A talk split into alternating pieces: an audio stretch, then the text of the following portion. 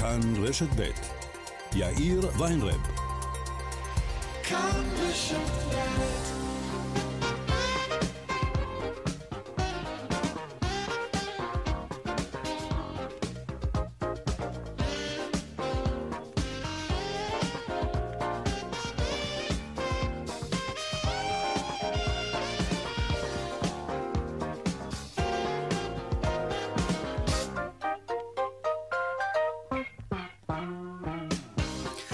קצת אחרי ארבעה ועוד חמש דקות, כאן צבע הכסף ברשת ב', שלום רב לכם, העורך רונן פולק בהפקה היום קובי זרח, טכנאי השידור רומן סורקין. הדועל של צבע הכסף הוא כסף, כרוכית, כאן.org.il. אני יאיר ויינרב, מעכשיו עד חמש אנחנו מיד מתחילים.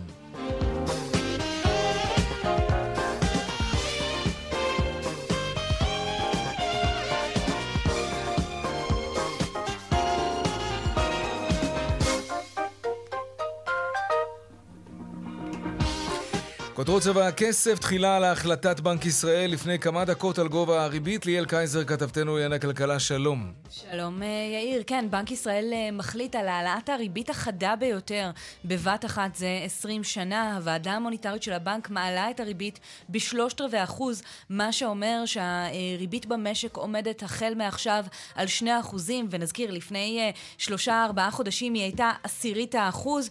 בבנק מסתכלים על הנתונים המקרו-כלכליים ואומרים מצד אחד האינפלציה זינקה ביולי ליותר מחמישה אחוזים, כשהטווח העליון של היעד בישראל הוא שלושה אחוזים. מהצד השני, הכלכלה הישראלית חזקה, ראינו, יאיר, נתוני צמיחה חזקים ברבעון השני של השנה, כלומר, העלאות הריבית הקודמות לא האטו את הכלכלה הישראלית, ולכן מחליטים בבנק ללכת על מהלך אגרסיבי, העלאת ריבית מאוד חדה, שלושת רבעי אחוז בבת אחת, וזה בניסיון לאותת לשוק שבנק ישראל הולך להילחם באינפלציה ולנסות לנסות למתן ולהרגיע את ההתייקרויות.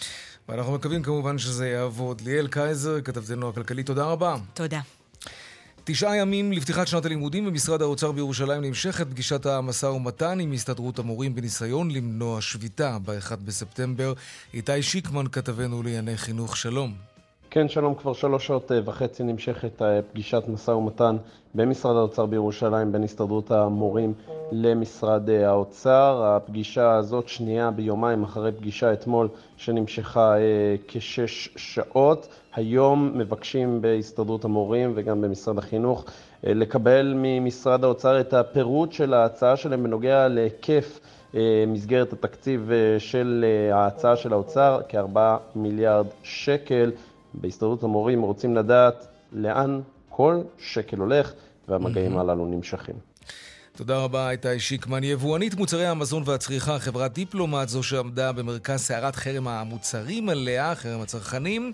אמ, כן, החברה הזאת מפרסמת היום את דוחותיה הכספיים, ומהם רואים בוודאות שרווחי החברה ירדו בכ-41% ברבע השני של השנה לכ-17 מיליון שקלים, זאת לעומת הרבע המקביל, בשנה שעברה כמובן.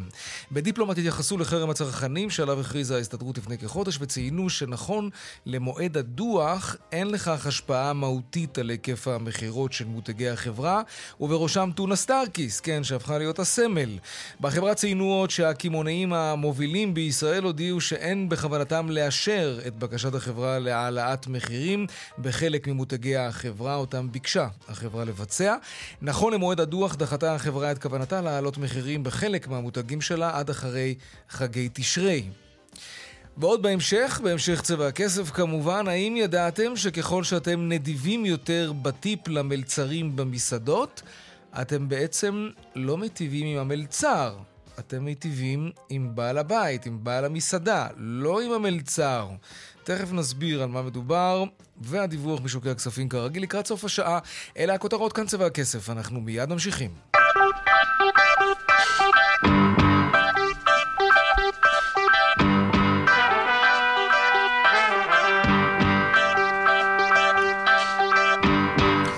עוד לפני, הלב, עוד לפני הכלכלה, תחילה להלוויה של הרב אה, שלום הכהן, מנהיגה הרוחני של ש"ס, שהלך הלילה לעולמו בגיל 91. עמוד שפירא, כתבנו שלום. העדכון שלך משם. כן, שלום. אה, למעשה עושה עכשיו את דרכו לכיוון רחוב ירמיהו, משם אה, יגיע בסופו של דבר לבר אילן, צומת בר אילן, ולאט סנהדריה, ממש עכשיו חולפת המיטה על פנינו והולכים אחרי הרכב ש... וגם צריך לומר, הרבה כן, מאוד אנשים גם הלכו קצת, לפני כן. סליחה שאני קוטע אותך, אנחנו פשוט uh, קצת מתקשים לשמוע אותך. אתה נקטע כל כמה שניות. בוא תנסה לשפר את המיקום של הקוונטום, של, של המכשיר שממנו אתה משדר, כדי שנוכל לשמוע אותך uh, ברציפות. בינתיים נספר לכם גם שאנחנו בשידור ישיר מההלוויה של uh, הרב שלום הכהן, מנהיגה, uh, הרב שלום כהן, כן. המנהיגה הרוחני של ש"ס, גם בערוץ הטלוויזיה שלנו כאן 11. עמוד שפיר, אנחנו שוב איתך. כן, אנחנו שבים להלוויה, למסע ההלוויה, וצריך לומר בשעה האחרונה, אחרי שההספדים שניסו, ההספדים הרבים שניסו, צריך לומר, מראשי הציבור הספרדי, החרדי, לעילוי נשמתו של הרב שלמה כהן. עכשיו למעשה המיטה עושה את דרכה, ממש עכשיו נכנסת לחוב ירמיהו, ורבים מאוד, צריך לומר, הולכים אחרי המיטה בצפיפות רבה בחום היום. כמו שאמרנו גם קודם לכן, הרבה מאוד אנשים גם עובדים לצידי המתווה, התוואי הזה של, ה, של, ה, של ההלוויה, בערך שני קילומטרים, זה לאט לאט, הצפיפות היא רבה, יש קריאה לאנשים באמת לשים לב למה שקורה, לשמור על כבוד המיטה, אבל צריך לומר, הצפיפות, ושוב, זה הדבר, כך בחצי שעה האחרונה, זה הדבר שסביבו באמת תשומת הלב. בעוד, אני מניח, דקות אחדות, 20 דקות, בקצב הזה, אולי זה יגיע לצומת בר אילן, ומשם מיד לבית העלמין סנדריה, שם מתאמן נשיא חכמי, מועצת חכמי התורה של ש"ס, הרב החכם שלום כהן, אנחנו כמובן נהיה גם שם. עמוד שפירא, תודה רבה על העדכון הזה משם, והנה דברים שאמר במהלך מסע הלוויה אריה דרעי, כן, הרב אריה דרעי ספד לרב שלום, הכהן, שלום כהן, מנהיגה הרוחני של ש"ס. הנה הדברים. היי, רבנו, על מי עזבת אותנו? היי, הדור הזה בלי חכם שלו! בתעופה הכי קשה שלנו! את מי נתייעץ? מי יורה לנו את הדרך? ינחה אותנו כל הזמן עם האמת. כשחכם שלום היה הרבה יותר צעיר ממני בגיל חמישים ומשהו אמר לי ראש הישיבה הרב שך שהיה מהגיל תשעים חכם שלום איש אמס ניש נגיעס אין לו נגיעות. כל כך זה אמיתי כל החיים שלו. ברח מנגיעות הכל אמת, לא משפחה, לא חברים, שום דבר, האמת לאמיתה עד הסוף. כן, כך אריה דרעי ספד לרב הרוחני שלו, למנהיג הרוחני של תנועת ש"ס, הרב שלום כהן, שהלך לעולמו הלילה בגיל 91. עכשיו במעבר חד נעסוק בענייני הכלכלה, ובראש הכותרות כמובן, בנק ישראל מודיע לפני זמן קצר על העלאת הריבית בשלושת רבעי האחוז. שוב שלום, ליאל קייזר, כתבתם בענייני כלכלה. ישבנו פה אתמול, בדיוק באותה שעה, ומגיע לנו שאפו, ניחשנו היטב. שלושת רבעי אחוז. אתה יודע, כן. אני עקרונית, א', אני מעדיפה הלקאה עצמית על התפארות, וב', בואו נשים את הדברים בפרופורציה. זה היה נראה די ברור, זה היה כן. מאוד משונה אם הנגיד לא היה מקבל החלטה על העלאה מאוד אגרסיבית של הריבית, אבל כן, צדקנו, היו כאלה שאמרו חצי אחוז. אחד הניחושים הכי מחושבים שלקחנו פה. היו כאלה שאמרו חצי אחוז, אנחנו ישבנו כאן ואמרנו שלושת כן. רבעי אחוז, אז בואו נמחא לעצמנו כפיים, ועכשיו נדבר על המשמעות של זה. כן. יפה מאוד. אז כמו שאתה אומר, הוועדה המוניטרית של הבנק מחליטה להעלות את הריבית בשלושת רבעי אחוז. הריבית במשק היא שני אחוז. אם אתה זוכר, עד uh, אמצע אפריל היא הייתה עשירית האחוז, לא ראינו מספרים כאלה uh, של שני אחוז, הרבה מאוד זמן, הריבית בישראל הייתה כמעט אפסית במשך הרבה מאוד uh, שנים, ובטח העלאה כל כך חדה של שלושת רבעי אחוז בפעימה אחת, זה משהו שלא נראה בישראל כבר עשרים שנה. ולא סתם אה, אלה המספרים, יכולנו בחוכמתנו הרבה להעריך שהנגיד יעלה את הריבית בשלושת רבעי אחוז כבר בשבוע שעבר, כשראינו את מדד יולי וראינו את מדד המחירים לצרכן קופץ באחוז ועשירית, האנליסטים השונים העריכו שזה יהיה חצי אחוז, או שש עשיריות, או שבע עשיריות. היה ברור שהאינפלציה כאן מטפסת, אבל לא היה ברור שהיא תטפס כל כך בחדות במהלך יולי. היא כבר הגיעה ליותר מחמישה אחוז, ולכן היה ברור שבנק ישראל יבחר לנקוט כאן יד קשה. מהלך אגרסיבי, זינוק מאוד אה, אה, משמעותי של הריבית בניסיון לבלום איכשהו את האינפלציה. כן, טוב, ראינו את המספרים וגם הרגשנו את זה בכיס. ראינו אנחנו את מרגישים את זה כל יום. הרגשנו את זה בכיס, כן. ויש כאן משהו, יאיר, שהוא מאוד לא אינטואיטיבי, הרי. כי מצד אחד, המטרה של העלאת הריבית היא לבלום את ההתייקרויות, שכולנו מרגישים אותן, אנחנו רואים את הפירות והירקות מתייקרים, ואת התחבורה מתייקרת, ואת הבילויים מתייקרים, והכול עולה, והמטרה של העלאת אה, ריבית זה סוג של תרופה עם טעם מגעיל. כי המטרה שלה היא לבלום את ההתייקרויות האלה, להביא למצב שלא נמשיך לשלם כל כך כל כך הרבה, אבל בטווח המיידי אמרנו, טעם מגעיל, מאות אלפי משקי בית ישראלים הולכים עכשיו לשלם עוד על המשכנתה שלהם. אנחנו מדברים נגיד על משכנתה ממוצעת של uh, מיליון שקל, שבערך 40% ממנה צמוד לריבית הפריים ל-25 שנה. אנחנו כבר מדברים על התייקרות של בערך uh, אה, 180 שקל או 150 שקל בהחזר החודשי, וזה קורה אחרי שלוש העלאות ריבית שכבר היו כאן, שהביאו אותנו... אז uh, כבר וזה, משלמים מאות שקלים, חלק ממשקי הבית. זה כבר מביא אותנו כן. למאות שקלים uh, יותר. אתה יודע, בהתחלה, כשהתחילו העלאות הריבית ושאלנו את בנק ישראל, מה אתם אומרים? אומרים לכל משקי הבית שהולכים אה, לשלם יותר, אז ניסו אתה יודע, למעט באפקט של העלאת הריבית, ואמרו לנו, זה רק עשרות שקלים, זה סכום מבוטל, אנשים שלוקחים משכנתה לוקחים את זה בחשבון וכן הלאה וכן הלאה mm-hmm. וכן הלאה. מפה לשם זה כבר הופך להיות סכום לא קטן, בהסתכלות שנתית כמה אלפי שקלים. ואף אחד לא אמר שזו העלאת הריבית האחרונה גם. זו ממש יכול... לא העלאת הריבית כן. האחרונה. גם בבנק ישראל מבינים שיצטרכו להעלות את הריבית עוד, וכשיש כאן אפקט מצטבר, מצד אחד גל התייקרויות שהאינפל... שהריבית נועדה להילחם בו, אבל בינתיים הוא לגמרי איתנו. מהצד השני, ריבית שעולה אה, באופן מיידי משפיעה על החזרי המשכנתה של אנשים ועל החזרי ההלוואות. בוא נגיד שיש כאן כאב ראש אה, לא קטן בכלל להרבה מאוד ישראלים, אם לא לכולנו. אליאל קייזר, כתבתנו לענייני כלכלה ומגישת משחקי הכיס בכאן 11, תודה. תודה, יאיר. שלום פרופסור צבי הרקוביץ, חבר הוועדה המוניטרית. שלום לך. העלאת ריבית רביעית והאינפלציה ממשיכה לעלות, כולנו מרגישים את, את הדבר הזה כן. בכיס. אה, כן. למה זה לא עובד ולמה שהפעם זה יצליח? אמ, טוב, אה, התחזיות קדימה אה, של האינפלציה, כן. על ידי החזאים המקצועיים וגם השוק, הם שהאינפלציה תמשיך להיות ברמה הזו טיפה פחות, אבל בסביבות חמישה אחוז, אה, כמה חודשים בודדים, ואחר כך ב-2023 היא כבר תתחיל לרדת, ובמהלך 2023 היא כבר תיכנס לתחום היעד. ואז אפשר, אתה יכול לשאול, בסדר, אם הכל בסדר, האינפלציה אה, בשליטה והיא תרד, למה צריך להעלות את הריבית בצורה חדה?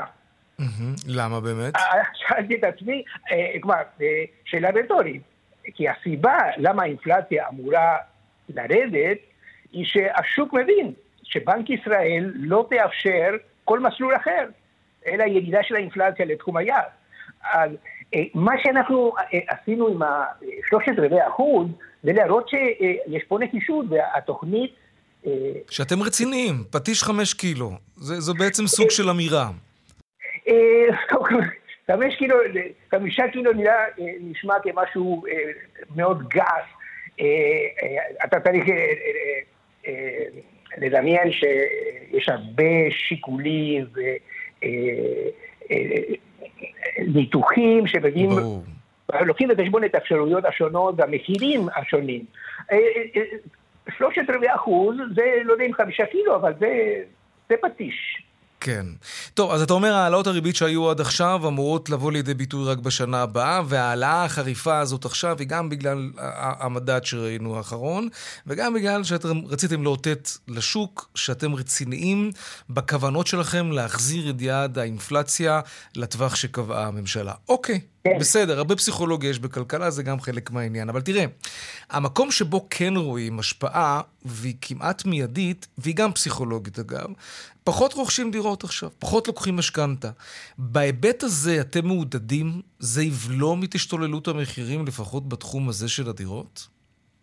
טוב, צריך לקחת בחשבון שמחירי הדירות זה לא בתחום שבנק ישראל אה, מטפל, כי זה לא נחשב... אתם לא מטפלים, אבל יש לכם כלי שמשפיע על זה באופן ישיר, נכון. והנה, תראה מה קורה.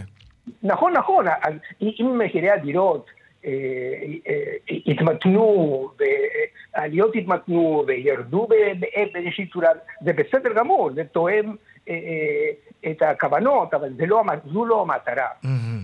המטרה היא האינפלציה, כי זה מה שעלול לשבש את הפעילות הכלכלית. כן, אבל, אבל אני מתאר לעצמי שבדיונים שלכם בוועדה המוניטרית, בין היתר, אתם מדברים גם על הפרמטר של הנדל"ן, כי אתם בין היתר אחראים למשל על היציבות של הבנקים, ואם אתם נוקטים מדיניות ריבית כזאת או אחרת, מטבע הדברים, אם יש לזה השפעה על מחירי הדיור, והבנקים מחלקים כמו מים משכנתאות לדיור, אז, אז אני מניח שזה כן פקטור מבחינתכם, זה כן משהו שאתם לוקחים אותו בחשבון. נכון. אף נכון. בנק לא היה רוצה להתעורר מחר בבוקר ולגלות שדירה שהוא נתן עליה משכנתה, דירה ששווה שני מיליון, פתאום שווה מיליון וחצי. זה אוי ואבוי מבחינת הבנק.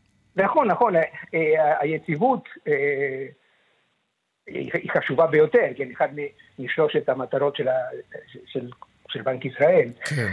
בינתיים האספקט, האספקט היציבותי הוא מאוד סולידי. Mm-hmm. הבנקים במצב מצוין, ואין, זה לא ההיבט שבשלב זה נראה, נראה בעייתי.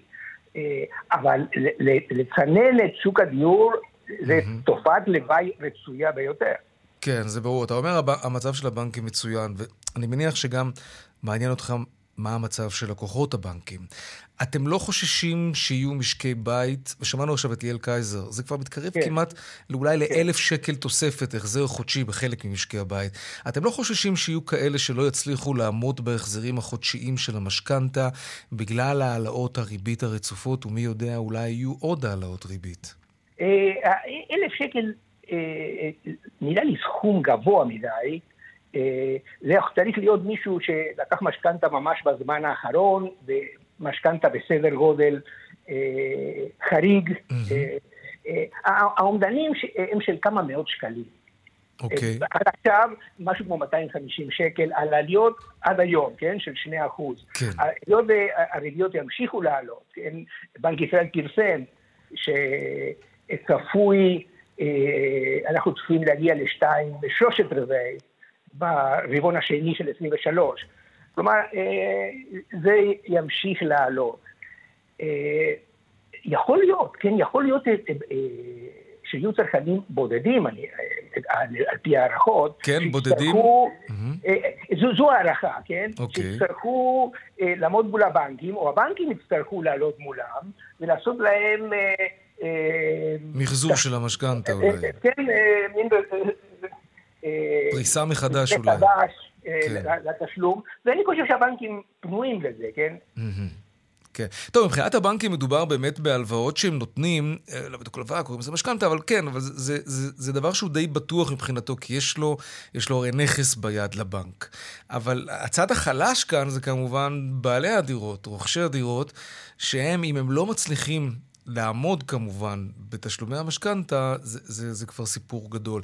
תגיד, עד כמה אתם מודאגים ממה שקורה באירופה? כלומר, יש שם האטה כלכלית, כבר מדברים שם על מצב מאוד מאוד לא רצוי, גם של האטה וגם של אינפלציה. אמ, אנחנו עלולים להיות מושפעים מהדבר הזה, וזה עלול להשפיע נכון, על שוק נכון. העבודה כאן בארץ. אה, אנחנו אה, אה, עלולים להיות מושפעים דרך סחר חוץ. כן. אה, כי אנחנו... מייצאים המון לשם, כן. מייצאים מאירופה והביקוש שלהם אה, יושפע מהמצב הכלכלי.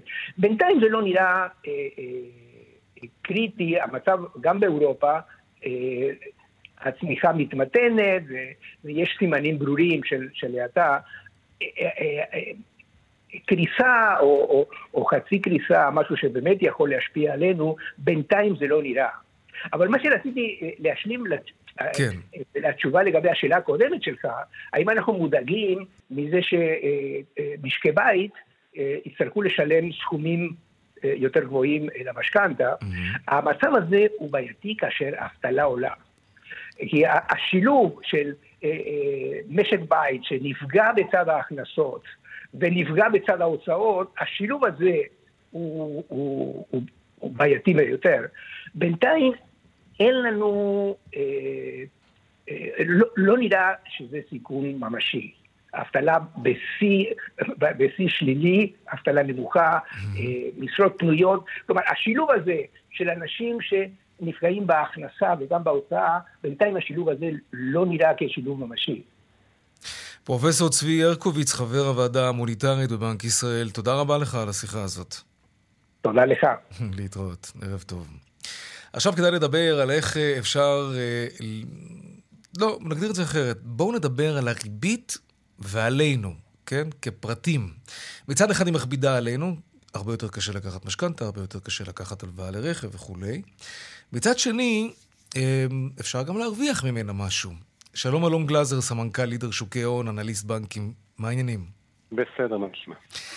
נתחיל קודם כל אה, בנורות האדומות. מי שיש לו מינוס בבנק, ואנחנו עם המינוס, אה, ישלם מעכשיו יותר וחייבים לשים לזה לב, נכון?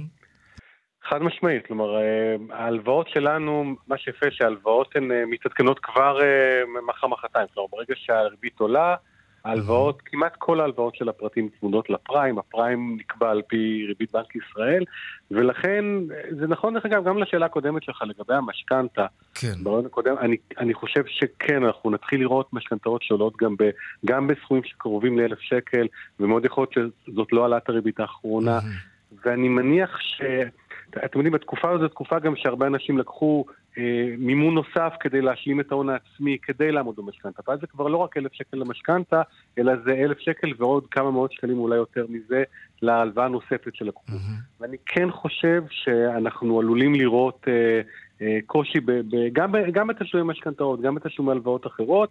אני חושב שככל שנראה שהריבית יותר גבוהה, זה עלול להיות יותר משמעותי. כן, להכביד ש... מאוד. ההשתוללות שהייתה כאן במשך הרבה מאוד שנים של משכנתאות נכון. זולות, עכשיו אנחנו מתחילים לפרוע את ההמחאה הזאת. התרגלנו ללוות כולם, גם כן. אנחנו, גם הפרטים, גם החברות, התרגלו ללוות בריבית אפס, וכשהריבית היא 2% זה עוד בסדר, אבל כשהריבית תהיה עוד קצת יותר מזה, אנחנו נגלה כמה יותר יקר להחזיר את ההלוואות.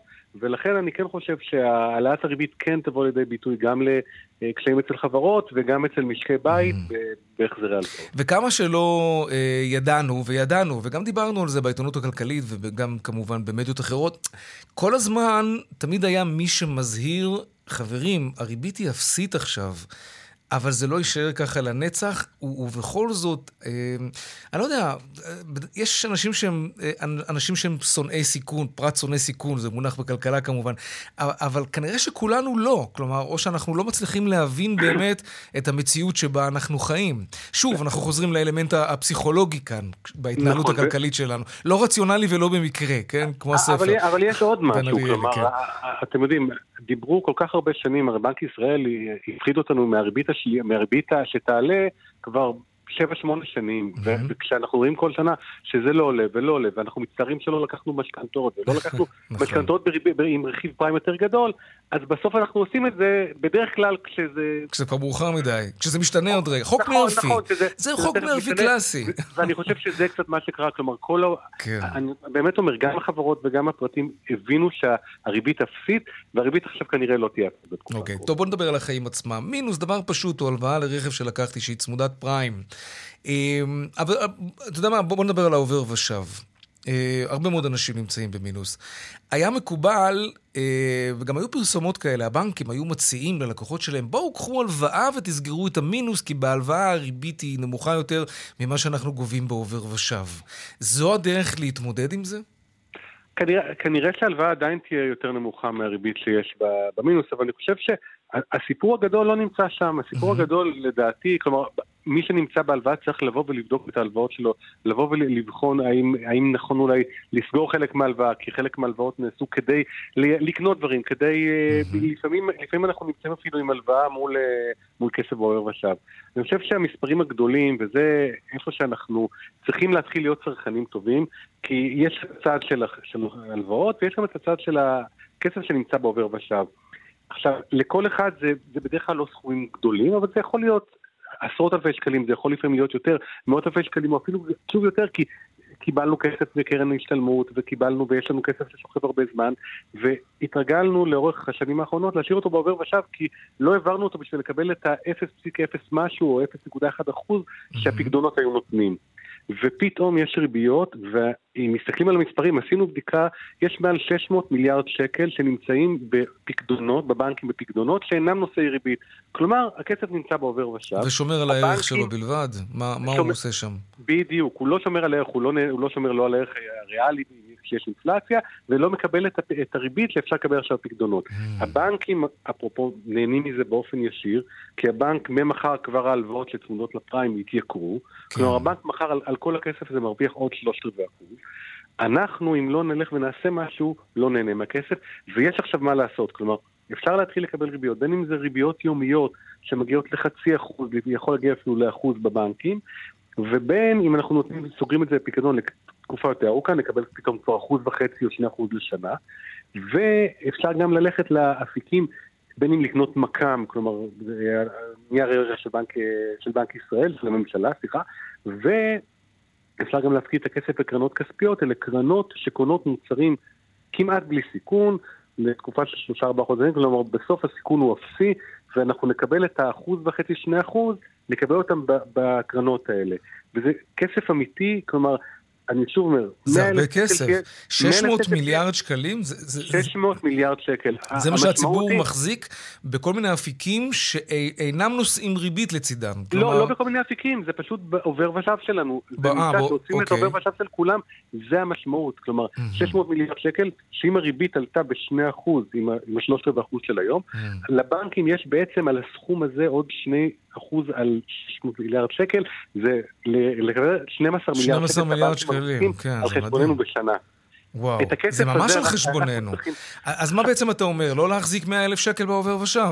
לא להחזיק 100 אלף שקל בעובר ושב, ללכת לבנק ולשאול כמה אפשר לקבל פיקדון. לא גם לא לעשות את זה באינטרנט, כי באינטרנט אנחנו נקבל את התעריפון של הבנק שהוא מאוד נמוך. אוקיי, מעניין, אז מה כן? אנחנו נמצאים בשני בנקים, לתמחר את הבנקים ולראות איפה אפשר להתחרות בבנקים.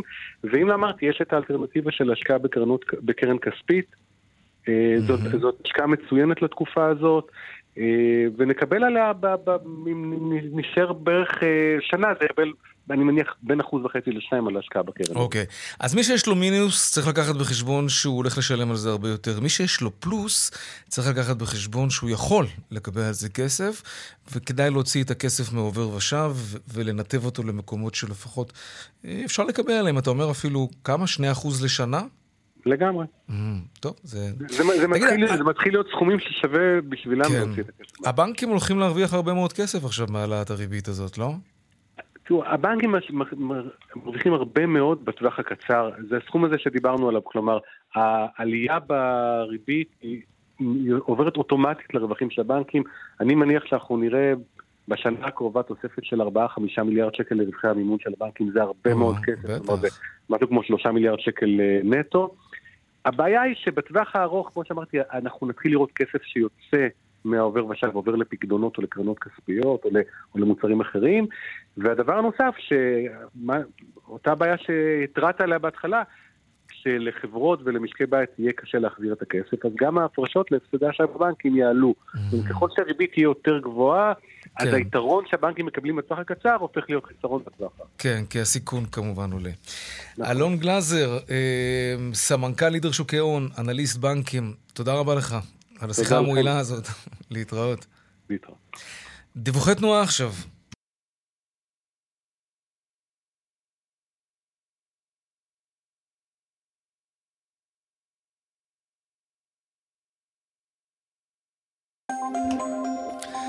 דרך 77 מזרחה עמוסה ממחלף ישי עד מחלף זרזיר, בדרך רחוב צפון העמוס מיקום עד נתניה. בדרך 6 לכיוון צפון יש עומס מאייל, סליחה, מקסם עד אייל, ובהמשך ממחלף עירון עד עין תות. עדכוני תנועה נוספים בכאן מוקד התנועה הכוכבי 9550 זה הטלמסר שלנו, אבל לא רק שם, גם באתר כאן וביישומון של כאן, הפסקת פרסומות קצרה, ומיד אנחנו חוזרים. רונן פולק בדיוק נכנס לאולפן, ואנחנו נדבר ואולי קצת נתווכח, לא בטוח, על עניין הטיפים במסעדה.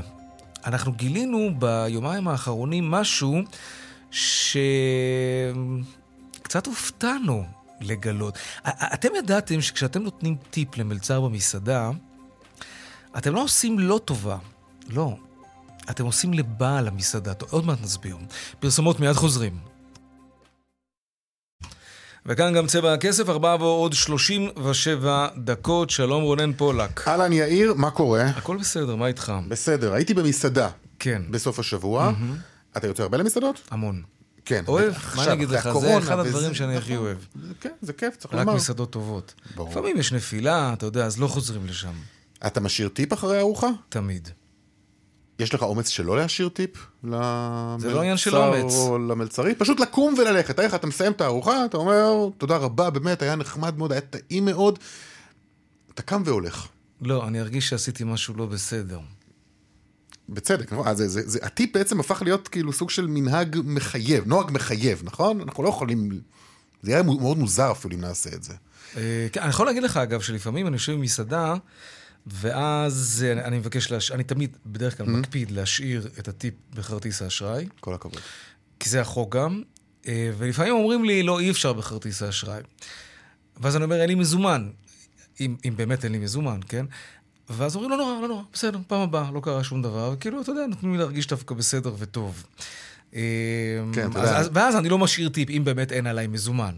אבל, אבל בדרך כלל אני שם את זה בכרטיס האשראי, וזה... זה פעם, פעם זה היה בלתי אפשרי, היית צריך נכון. לעשות את זה רק ב... אז הסדירו את העניין הזה, הסדירו, והיום אתה יכול, כביכול וזה... מגיע אליך מלצר כן. או מלצרית, ואתה אומר, תכניסו לי בבקשה עוד אה, כמה? 10 אחוז, 12 אחוז, 15 אחוז, אתה כן, בטח... אני נותן 15. בטח, כי אתה... לא, ואתה כמה? 12. אתה... נכון? אני- וגם זה כואב לך.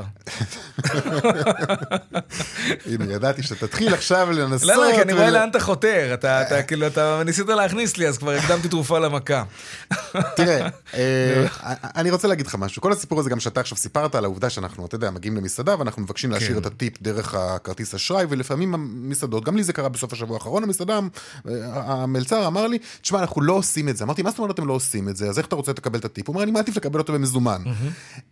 כמובן, יש עם זה בעיה, זה לא, לא אני מניח שזה זה סיפור לא כל כך חוקי, ו, ו, והסיפור הזה בעצם הזכיר לי גם למה אני כל כך סולד מהנוהג, ותסלח לי שאני אומר סולד, כן? אני סולד מהנוהג המחייב הזה, להעניק דמי שירות לכל מיני אנשי מקצוע, ועל ידי כך בעצם, ואת זה ודאי תופתע לשמוע, להקטין את חלקו של בעל הבית או בעל המסעדה במחויבות הכספית שלו לעובדים. עכשיו, אני מבין, אני יודע, הכי קל לך בסופו של דבר לבוא ולקחת את הדיון הזה למקום האישי, שבו אתה תוכל לטעון שאני קמצן טיפים, אין לי בעיה עם זה, אני זה לא בסדר. ולא מתחשב חלילה לא. במלצרים האומללים והצעירים, ואני רוצה להגיד לך שאנחנו כן צריכים להתחשב במלצרים האומללים והצעירים, אנחנו רואים אותם שם, כולנו היינו מלצרים, נכון? כמעט כולנו היינו מלצרים, גם נכון? מלצר. בשלב כלשהו של חיינו, ואנחנו מאוד רוצים, אתה יודע, לחייך, לעשות, לתת שירות טוב, בלי קשר לטיפ או לא טיפ, אנחנו רוצים פשוט לתת שירות טוב, אבל גם לקבל על זה טיפ. אז תשמע, בזמן שאתה משחק אותה ככה נדיב ואיש טוב לא לב, משחק אותה נדיב, מה אתה רוצה? ובזמן שאתה- הנה, תשאל, רומן, רומן סורקין, הטכנאי שלנו, אתה נותן טיפ במסעדה?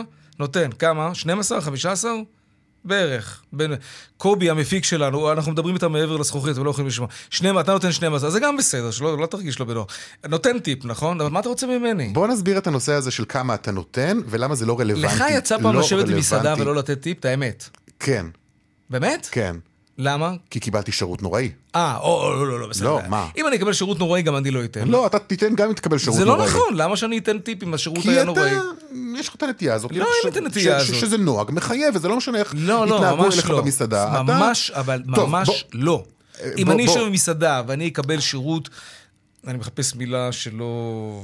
זה, שירות לא טוב, גרוע, קטסטרופלי, לא יהיה טיפ, נקודה. טוב, בוא, אני רוצה להגיד לך משהו, כן. כן. כבוד הנדיב הידוע, אה, שרוצה גם אני לשמור על זכויות המלצרים לא פחות ממך.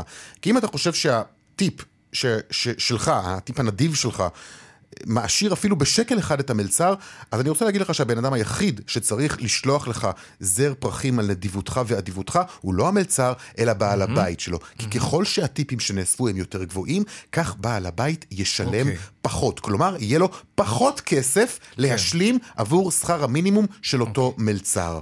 שמע, אתה ככה עקצת אותי, הנדיב הידוע וכל מיני דברים כאלה. בוא, בוא, בוא, בוא, בוא נשים את הדברים בפרופורציות, אוקיי? אנחנו גילינו שנינו אתמול שנינו היינו עמומים מזה.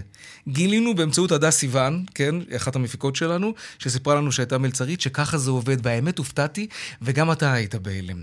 לא ידענו שהטיפ שאנחנו נותנים הוא חלק מהשכר של המלצר. אני, לתומי, חשבתי, כן? שככל ש... שאתה נותן יותר... רגע, מה? שמלצר מקבל משכורת בסיס מסוימת, משכר מינימום ומעלה, אבל נגיד שכר מינימום.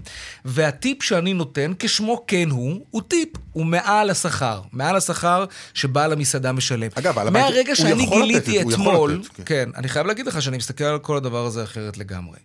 כלומר, אם אני עוזר לבעל המסעדה לשלם את משכורתו של המלצר, יש פה משהו שהוא באמת באמת לא בסדר, אבל זה מחוץ לוויכוח האם מותר לשלם, אם מגיע למלצרים לשלם להם טיפ או לא. אין לזה שום קשר, שני ויכוחים שונים. ואני אפילו מתלבט עכשיו, שוקל, האם בפעם הבאה שאני אשב במסעדה, אני אשאל את המלצר, תגיד, אתה מקבל שכר בלי קשר לטיפים?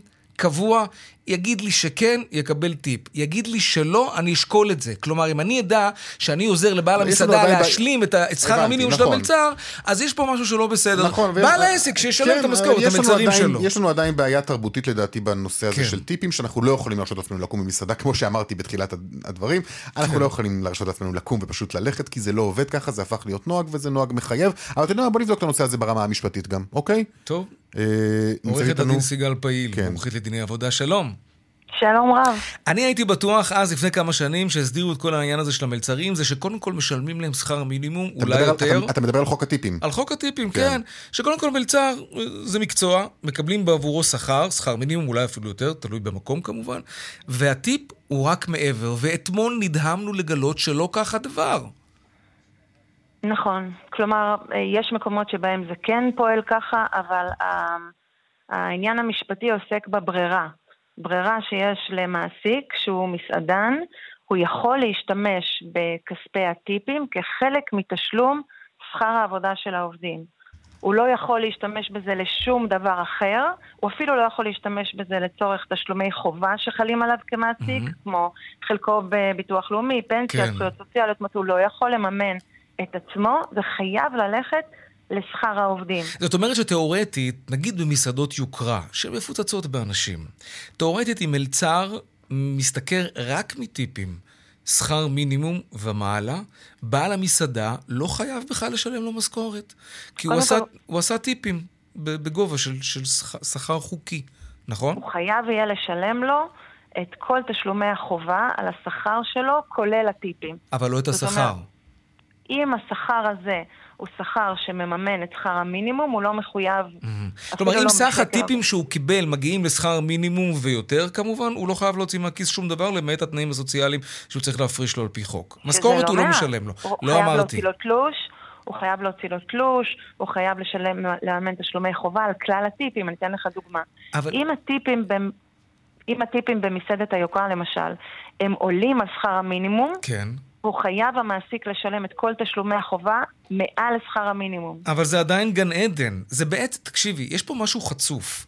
בעצם הלקוחות משלמים את המשכורת של המלצר. הוא לא עובד אצלי, הוא עובד במסעדה. אם אני רוצה לצ'פר את המלצר ולתת לו טיפ על כך שהוא היה נהדר... אתה צריך לתת לו בצד. בצד. מתחת לשולחן, לא, מה שנקרא. לא, לא מתחת לשולחן. למה לא? אם אתה רוצה לצ'פר אותו, זה הדרך היחידה. אבל זאת הדרך היחידה שלך לצ'פר אותו. רונן, אני עד היום חשבתי, ואולי בטיפשותי, אני מודה, כן? מודה ועוזב ירוחם בהיבט הזה, אבל אני באמת אומר, אני תמיד חשבתי שהמלצר מקבל משכורת ואני נותן לו אקסטרה, כי הוא היה על הכיפאק, כי הוא היה טוב. לא תיארתי לעצמי שאני משלם את המשכורת של המלצר. קודם כל, יכול להיות שבמסעדות שאתה אוכל בהן, וחלק מהמסעדות פועלות כך, יש הסדר עם המלצרים, שהמעסיק מממן אקסטרה, הרבה מעבר לשכר המינימום. יכול להיות שיש מקומות שבהם המעסיק שהוא מסעדן אומר בהחלט כך, שהטיפים הם מעבר לשכר המינימום. אני מכירה, מכירה הרבה מאוד רשתות כן. שבהם משלמים שכר מינימום, וכל מה שהמלצר מקבל בטיפים, או אם זה טיפים חלוקתיים או אישיים, זה מעל mm. לשכר המינימום. קיצור, זה נתון לשיקול דעתו של, של, של בעל המסעדה כנראה. כן. בוודאי שככה נכון, זה צריך ואני, להיות, ולא, אבל זה לא ולא... רלוונטי. רגע, כן, סיגל, סליחה. אני רק רוצה להוסיף ולומר שאותו מלצר שאתה אה, שוקל אם לתת לו טיפ או לא, אני אגב בעד לתת טיפ, אני נותנת 15% ולא פחות. אבל, זה נכון שגם אם אני לא מקבלת שירותו... לא, מה אתה מתחיל עם כל הכבוד? מה אתה נותן ציונים פה לאנשים? כי 12 אחוזים בסדר, אבל אתה נותן ציונים לאנשים שנותנים, שזה לא רלוונטי למה שהמלצר יקבל אחר כך. לא, אתה קראת לי הנדיב הידוע בשביל לעקוץ אותי קודם, זה יותר טוב, זה יותר בוגר. כן, אם סליחה. תרשו לי, אני אציע עוד אופציה. תארו לכם שאותו מלצר, בזכות הטיפים שאתם נותנים לו, לא רק שהשכר שלו עולה, זאת אומרת זה משפיע על השכר שלו, שהוא לא יקבל רק שכר מינימום שהוא יקבל ממילא, לא יקבל כן. מעבר, אלא גם התשלומים הסוציאליים שלו, שמאוד חשובים, יעלו. ואחרת אם אתם נותנים לו בש... בצד, וכמובן זה לא חוקי, תפקידי להגיד את זה פה, אבל לא משנה, אתם שוללים ממנו את הזכות לקבל את כל התנאים הסוציאליים מעבר לשכר המינימום. אוקיי. עורכת הדין סיגל פעיל, מומחית לדיני עבודה, תודה. תודה לכם. להתראות. שלום שי ברמן, מנכ"ל איגוד המסעדות. אהלן. חיה שהופתעתי, אני לא ידעתי שאני משלם את המשכורת של המלצר. תשלם אתה, אני אם אני ארצה, אני אתן טיפ.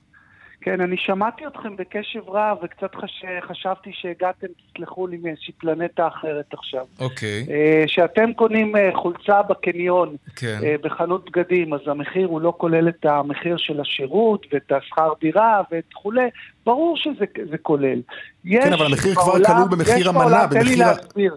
תן לי להסביר, אתם, אני מבין את הכעס ואת העוצמה של הרגשות, אבל יש פה שני דברים. קודם כל, מבחינה משפטית, הטיפ, ב- בלפחות במדינת ישראל, הוא שכר שמשולם לעובד על ידי מי שאיננו מעסיקו. הדבר הזה נקבע על ידי בית המשפט העליון בהרכב של שבעה שופטים בשנת 2013, ולכן מותר להשתמש בטיפ לתשלום שכר. אגב, זה נוהג שקיים עוד מהמאה ה-16 או המאה ה-15, וקיים בהרבה מקומות בעולם. כן, זה התחיל בזה שנתנו למשרתים, לסוג של אה, נכון, נכון, עבדים נכון. משודרגים. עכשיו, עכשיו, כן. עכשיו תשמע, אה, אה, אה, יש שתי דיסציפלינות. יש את הדיסציפלינה האירופאית, שבדרך כלל מכניסים את השירות לתוך החשבון. השירות הוא חלק מהחשבון. במדינת ישראל, בגלל חוקי הגנת הצרכן, אסור להוסיף שירות לחשבון. ולכן הטיפ הוא חלק נפרד, שהוא הוא לא הכנסה של העסק. כלומר, הסכום הזה שכל אחד מאיתנו, כל אחד לפי ה... אה, מה זה הוא לא הכנסה? העסק אחרי. זה יצטר- יוכל לשלם, אז בוודאי שזה יורד מהעסק. הרי בעל הבית משלם משכורות, וכשבעל הבית משלם משכורות, הוא פשוט לוקח את הכסף של הטיפים, ומשית אותם, ומהם מייצר את המשכורות עבור העובדים. כלומר, אני בטיפ שאני נכון, נותן... נכון, אבל גם הבעל העסק באירופה, שמכניס את השירות לתוך החשבון, המרכיב של שירות במסעדה הוא חלק מהחשבון. צריך להבין שבמסעדות... אין בעיה, אז אני אומר, ככל שהטיפ שלי לא יהיה גבוה יותר, המרכיב. אני אוריד עכשיו ממה שבעל המסעדה יצטרך לשלם. אבל זה לא, אבל כל ההסתכלות שלך היא לא נכונה, כי אני מסביר לך ואני אומר לך שיש שתי דיסציפלינות. או שאנחנו מכניסים את השירות לתוך החשבון, כמו שנהוג באירופה דרך אגב, ואז שכר המלצרים יורד באופן משמעותי, מכיוון שזה לא הכנסה של המלצר כביכול, אלא הכנסה של בית העסק על כל המשמעויות המיסויות, או שהדבר הזה הוא איזושהי ישות נפרדת שהיא לא קשורה לבעל העסק. אנחנו נאבקים במשך שנים לשמר את המצב שבו הכסף הזה, הטיפים שכל אחד מאיתנו משאיר, הוא לא שייך, דווקא הפוך, הוא לא שייך לנו, זה מין איזשהו אבסורד כזה, שאנחנו אומרים, חבר'ה, אנחנו לא רוצים לגעת בכסף הזה.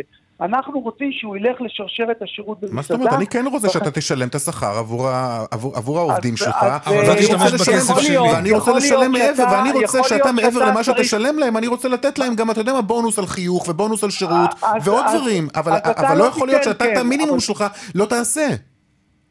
המינימום שלי זה, לקבוע לפי שתי דיסציפלינות שקיימות. או הש, השירות חייב להיות חלק מהחשבון, או שהוא יכול להיות חלק מהחשבון שאתה מקבל אותו, כמו שאתה מקבל באירופה, ואומרים לך, תקשיב, יש לך פה 12% שירות, במקומות אחרים 15, בחלק מהמקומות 10, ואז אתה כבר משלם מראש, ורוב הלקוחות משאירים את הכסף הקטן שנשאר להם על השולחן, כן. את הכמה סנטים וכולי.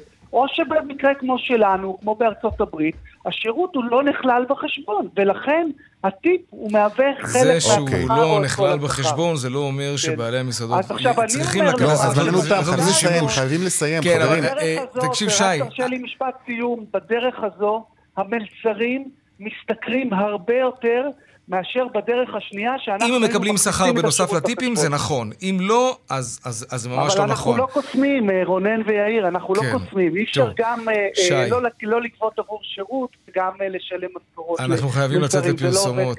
אין לנו ברירה. כן. שי ברמן, מנכ"ל איגוד המסעדות, תודה רבה. תודה, כל טוב. דיווחי תנועה קצרים, ואז פרסומות. הנה.